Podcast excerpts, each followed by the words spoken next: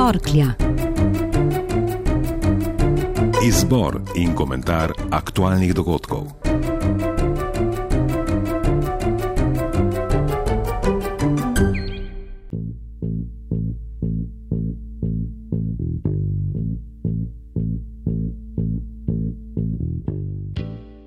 Strogi nadzor dokumentov na slovensko-hrvaški meji še posebej v Istro vrača poletno in konec tednovsko moro dolgih kolon na Dragoni in v Sečovljah.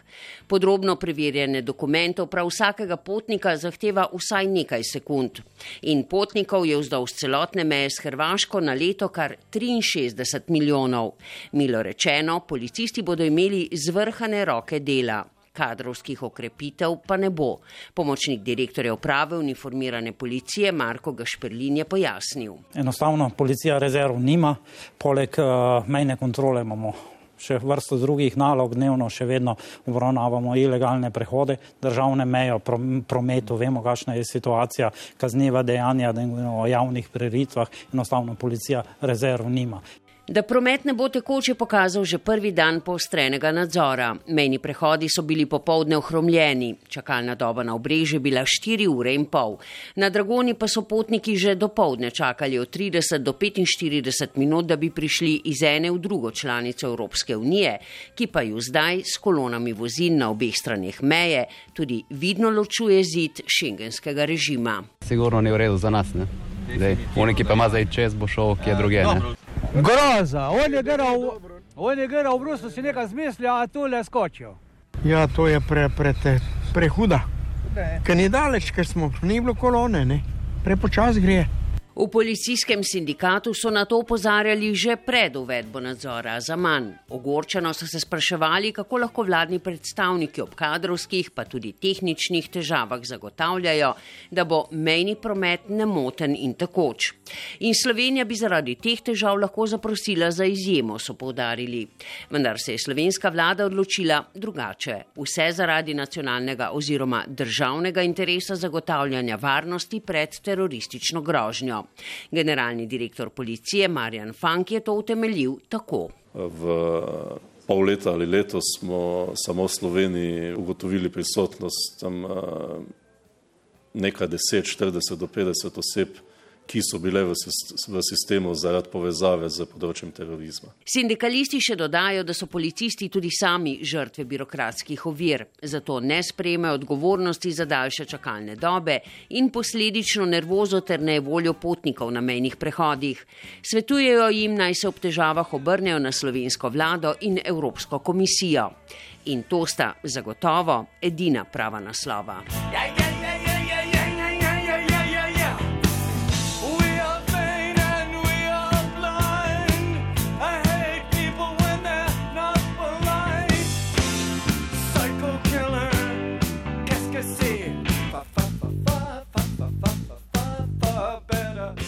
Vsem okrepljenim varnostnim ukrepom na vkljub so razdejanja ob terorističnem napadu v začetku tedna občutili v ruskem Sankt Petersburgu. V eksploziji v podzemni železnici je umrlo 11 ljudi. Švedska prestolnica Stokholm pa je konec tedna doživela podoben dogodek kot London. Voznik tovornjaka je zapeljal množico in ubil vsaj štiri ljudi. Prebivalci Sirije, ujeti v navskrižnem ognju različnih strani in različnih interesov, pa so v torek na lastni koži občutili kemično orožje. V Kanšejkunu je zaradi tega umrlo več kot 80 oseb. Ruska stran trdi, da so za to krivi sirski uporniki. Ameriški predsednik Trump je prepričan, da je napad delo sirskega predsednika Asada. Zato se je odločil za povračilni ukrep. Ameriška vojska je z vodenimi raketami z morja napadla letalsko porišče v rokah Asadovega režima. Sirske sile so poročale o sedmih smrtnih žrtvah, tudi civilistih. ZDA so tako neposredno vstopile v sirsko vojno, ki traja že več kot šest let in v kateri je umrlo že več kot 300 tisoč ljudi.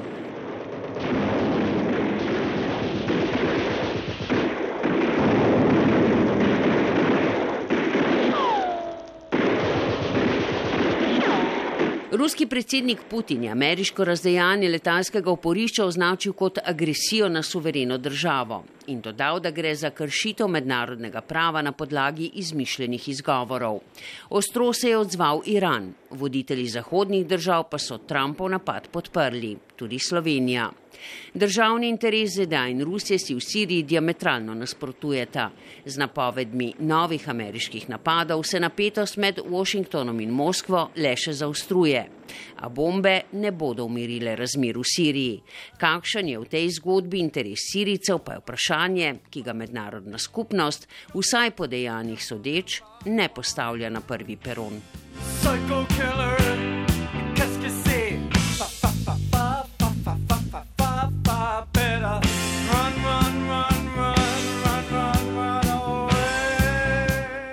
No, kaj je državni interes Mačarske v Sloveniji, je zdaj jasno. Čim hitreje pripeljati tovor do koperskega pristanišča in slednjega tudi dolgoročno obvladovati. 200 milijonov evrov so pripravljeni dati za gradnjo drugega tira Koper Divača. Kakšne bodo obresti, pa je ob obisku v Sloveniji povedal mačarski zunani minister Peter Sjatov. In the construction uh, works of the, uh, of the railway. Uložek bodo skratka oplemenitili tako, da bodo pri gradni sodelovala tudi mačarska podjetja. Preko logističnega holdinga, v kar naj bi po besedah Sijatova preraslo podjetje 2TDK, pa bi mačarska posredno obvladovala še slovenske železnice, Luko Koper in morda Intereuropo. Zgodba o logističnem holdingu sicer ni nova a so ji v Luki doslej odločno nasprotovali prav zaradi možnosti prodaje tujcem. Državni sekretar na Ministrstvu za infrastrukturo Jure Leben pa je po srečanju s predstavniki Luke spet povdaril, da ta ni na prodaj. Zanikal je tudi pogovore o holdingu. Tudi to ni na mizi, vse ostale se pa pogovarjamo in ko bo rezultati pogajalskih skupin znanih, bomo tudi javno predstavili, kako vsake stvari do zdaj.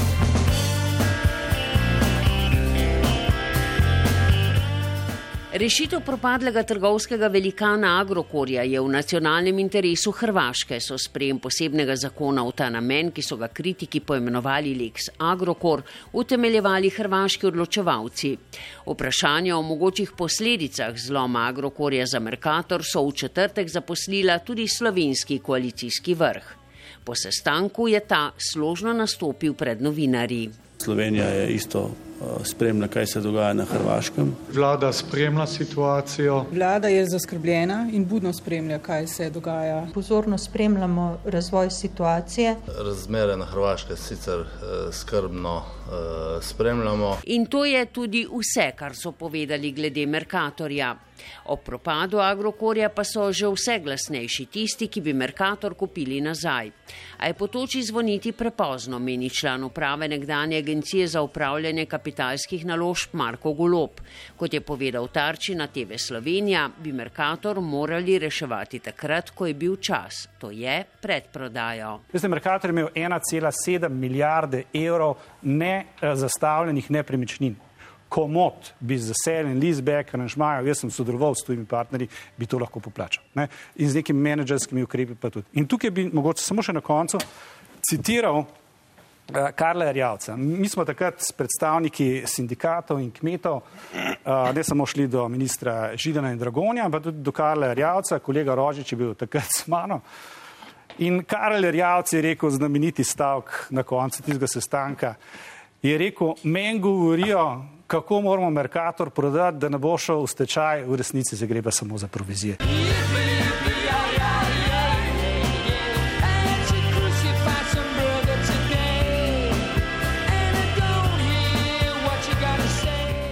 V Ljubljanskem parku Tivoli stoji od četrtka tudi kip pisatelja Borisa Pahorja. Odkritja dvometrske skulpture se je udeležil tudi sam. Še posebej je bil zadovoljen, da so ga postavili v neposredno bližino kipa Edvarda Kozbeka, s katerim sta prijateljevala in prav tako skupaj preživljala obsodbe in izključenost ob objavi izjave o povojnih pobojih. Ob odkritju spomenika je Pahor dejal.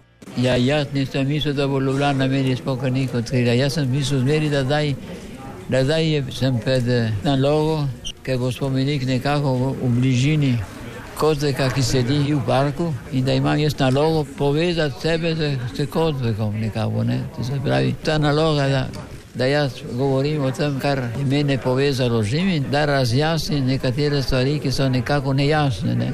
Prav nobenega dvoma ni. Težaški pisatelj si spomenik seveda še kako zasluži. Pogled na dvometrski bron Borisa Pahorja, ki ga je izdelal kipar Mirsad Begič, pa vsekakor zmoti logotip mladinske knjige otisnjen na torbi. Se založba tej samopromocijski trgovski gesti res ni mogla odreči. Starosta slovenskih književnikov, veliki intelektualec in pričevalec strahot prejšnjega stoletja bi si to vsekakor zaslužil.